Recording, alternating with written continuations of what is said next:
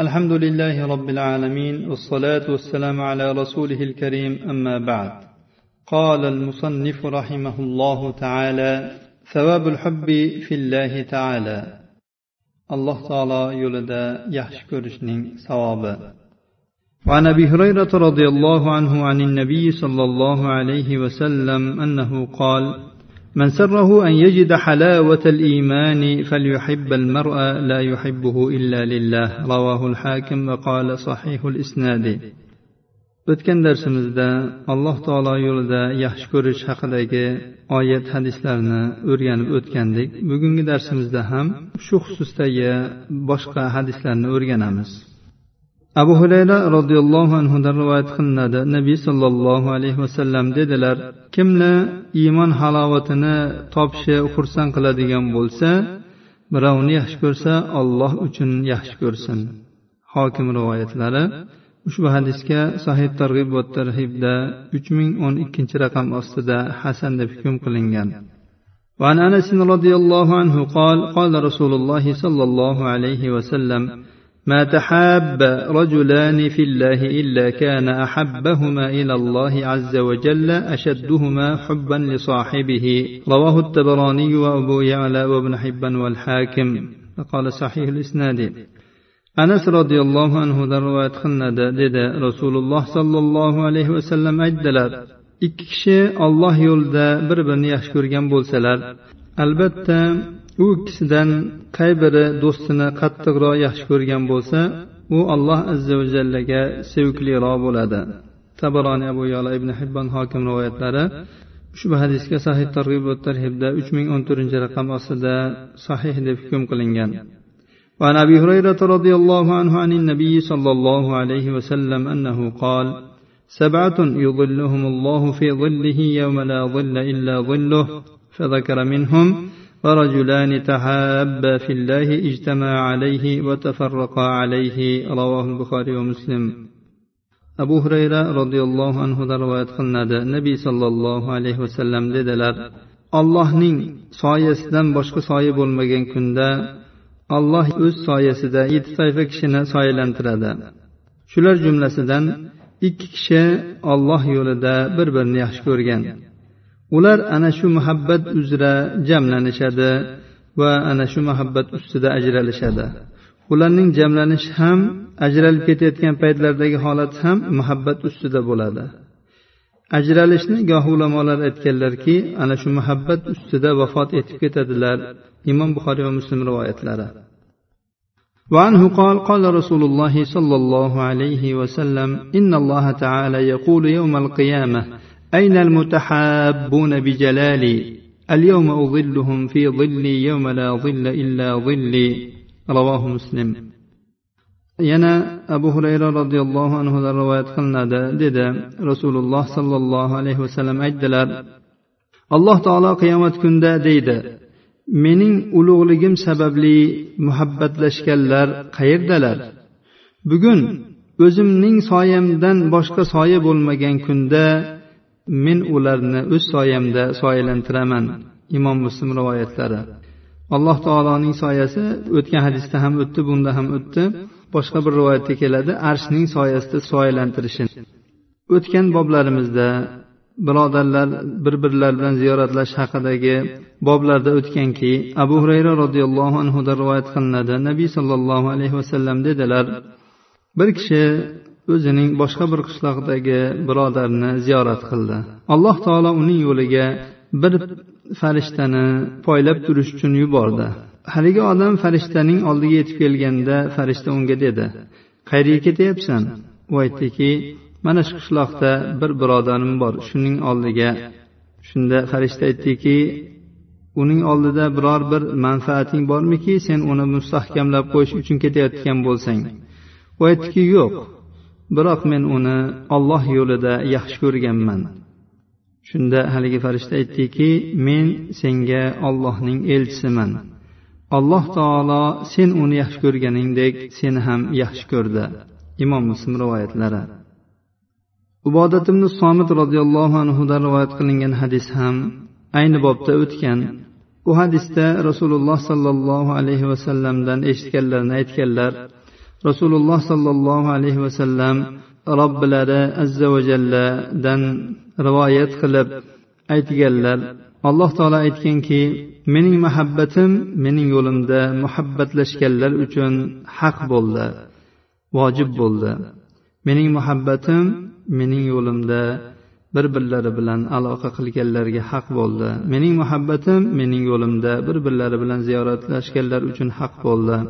Mening muhabbatim mening yo'limda bir birlariga mol dunyolarini sarflaganlar uchun haq bo'ldi vojib bo'ldi imom ahmad rivoyatlari ushbu hadisga sahih targ'ib va tarhibda uch ming yigirmanchi raqam ostida sahih deyilgan وعن شرحبيل ابن سمط أنه قال لأمر بن عبسة هل أنت محدثي حديثا سمعته من رسول الله صلى الله عليه وسلم ليس فيه نسيان ولا كذب قال نعم سمعت رسول الله صلى الله عليه وسلم يقول قال الله عز وجل قد حقت محبتي للذين يتحابون من أجلي وقد حقت محبتي للذين يتزاورون من أجلي وقد حقت محبتي للذين يتباذلون من أجلي وقد حقت محبتي للذين يتصادقون من أجلي. رواه أحمد بإسناد صحيح والطبراني والحاكم وقال صحيح الإسناد.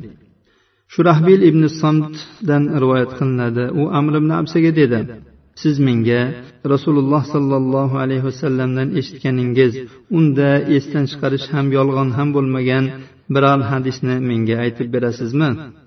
U zot ha dedilar men rasululloh sollallohu alayhi vasallamni shunday deyayotganlarini eshitdim. Alloh azza va jalla dedi mening muhabbatim men uchun muhabbatlashganlarga haq bo'ldi. Mening muhabbatim men uchun ziyoratlashganlarga haq bo'ldi. Mening muhabbatim men uchun bir birlariga mol dunyolarni sarflaganlar uchun haq bo'ldi. Mening muhabbatim men uchun bir birlari bilan do'st bo'lganlarga haq bo'ldi. Imom ahmad tabaloniy hokim rivoyatlari.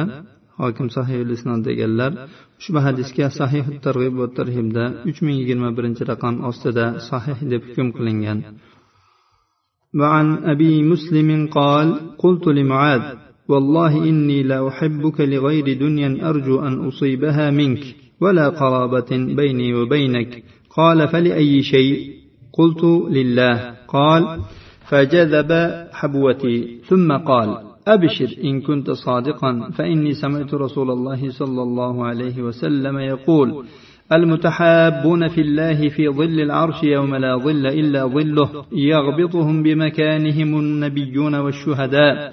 قال ولقيت عبادة بن الصامت فحدثته بحديث معاذ. فقال سمعت رسول الله صلى الله عليه وسلم يقول عن ربه عز وجل حقت محبتي على المتحابين في وحقت محبتي على المتناصحين في وحقت محبتي على المتباذلين في هم على منابر من نور يغبطهم النبيون والشهداء والصديقون. رواه ابن حبان وروى الترمذي من حديث معاذ وحده وصححه إلا أنه قال سمعت رسول الله صلى الله عليه وسلم يقول المتحابون في جلالي لهم منابر من نور يغبطهم النبيون والشهداء. abu muslimdan rivoyat qilinadi dedi men muaz roziyallohu anhuga dedim allohga qasamki men sizni men sizdan unga erishishni umid qiladigan dunyodan boshqa narsa uchun yaxshi ko'rdim. Va siz bilan men o'rtamizda bo'lgan qarobatdan boshqa narsa uchun yaxshi ko'rdim. U zot aytdilarki nima uchun yaxshi ko'rding? Men olloh uchun dedim. So'ngra u mening ko'ksimdan tutdi va dedi agar sen to'g'ri aytayotgan bo'lsang xursand bo'lgin. Men rasululloh sollallohu alayhi vasallamdan shunday deyayotganlarini eshitdim. Alloh yo'lida bir birlari bilan muhabbatlashgan kishilar uning soyasidan boshqa soya bo'lmagan kunda arsh soyasida bo'ladilar. Ularning martabalari tufayli payg'ambarlar va shahidlar ularni havas qilishadi. Abu muslim dedi men ubodatimni somit bilan uchrashib qoldim va u kishiga muozning hadisini aytib berdim. U zot aytdilarki men rasululloh sollallohu alayhi vasallamdan robbi azza va jalladan rivoyat qilib shunday deyayotganlarini eshitdim. Alloh taolo deydi mening muhabbatim mening yo'limda muhabbatlashganlarga vojib bo'ldi. Mening muhabbatim mening yo'limda bir birlariga nasihat qiladiganlarga vojib bo'ldi. Mening muhabbatim mening yo'limda bir birlariga sarf qiluvchilarga vojib bo'ldi. Ular nurdan bo'lgan minbarlar uzra bo'ladilar. Ularni payg'ambarlar shahidlar va siddiqlar havas qilishadi. ibn hibbon rivoyati termiziy ham muozdan rivoyat qilganlar va uni sahih sanaganlar faqat u yerda aytganlarki men rasululloh sollallohu alayhi vasallamdan shunday deyayotganlarini eshitdim mening ulug'ligim yo'lida muhabbatlashganlar uchun nurdan bo'lgan minbarlar bo'ladi ularni payg'ambarlar va shahidlar havas qiladilar وعن ابي الدرداء رضي الله عنه قال قال رسول الله صلى الله عليه وسلم لا يبعثن الله أقواما يوم القيامة في وجوههم النور على منابر اللؤلؤ. يغبطهم الناس ليسوا بأنبياء ولا شهداء. قال فجث أعرابي على ركبتيه فقال يا رسول الله جلهم لنا نعرفهم. قال هم المتحابون في الله من قبائل شتى وبلاد شتى يجتمعون على ذكر الله يذكرونه. رواه التبراني بإسناد حسن. Abu dardo roziyallohu anhudan rivoyat qilinadi dedi rasululloh sollallohu alayhi vasallam aytdilar alloh taolo qiyomat kunida shunday bir qavmlarni qayta tiriltiradiki ularning yuzlarida nur bo'ladi. Ular lo'lo'dan bo'lgan minbarlar uzra bo'ladilar. Odamlar ularga havas qilishadi. Ular payg'ambarlar ham shahidlar ham emaslar. Aytadilarki shunda bir arobiy ikki tizzasiga cho'kdi va dedi ey rasululloh siz ularni bizga ochiqlab bering biz ularni taniylik. Shunda u zot dedilar ular turli qabilalardan va turli yurtlardan bo'lgan olloh yo'lida bir birlari bilan muhabbatlashgan kishilar. Ular ollohning zikri uzra jamlanishadi ollohni zikr qiladilar. Tabaroniy rivoyatlari ushbu hadisga sahih targ'ibot tarhibda uch ming yigirma beshinchi raqam ostida hasan deb hukm qilingan.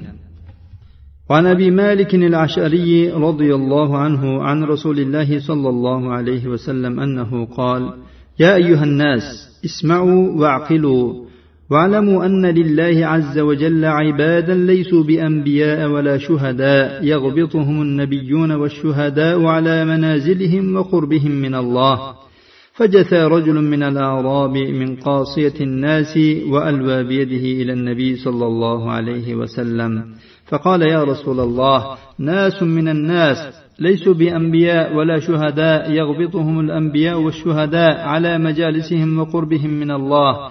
انعتهم لنا جلهم لنا يعني صفهم لنا شكلهم لنا.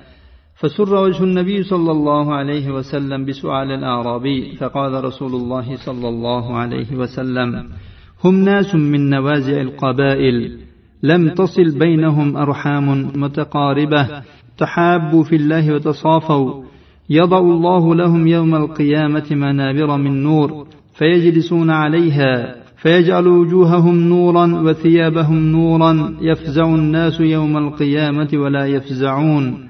وهم أولياء الله الذين لا خوف عليهم ولا هم يحزنون رواه أحمد بإسناد حسن وأبو يعلى والحاكم وقال صحيح الإسناد abu malik al ashariy roziyallohu anhudan rivoyat qilinadi rasululloh sollallohu alayhi vasallam dedilar ey odamlar eshitinglar va tushuninglar bilinglarki alloh azza va jallaning payg'ambari ham shahid ham bo'lmagan bandalari bo'ladi ularni martabalari manzilatlari va alloh taologa bo'lgan yaqinliklariga shahidlar va payg'ambarlar havas qilishadi.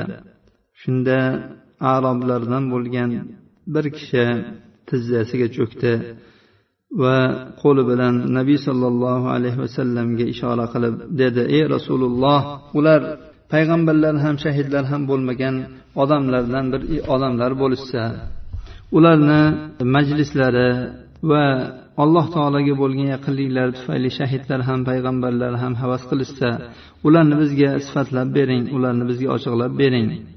Arobiyning savolidan nabiy sollallohu alayhi vasallamning yuzlari yorishib ketdi.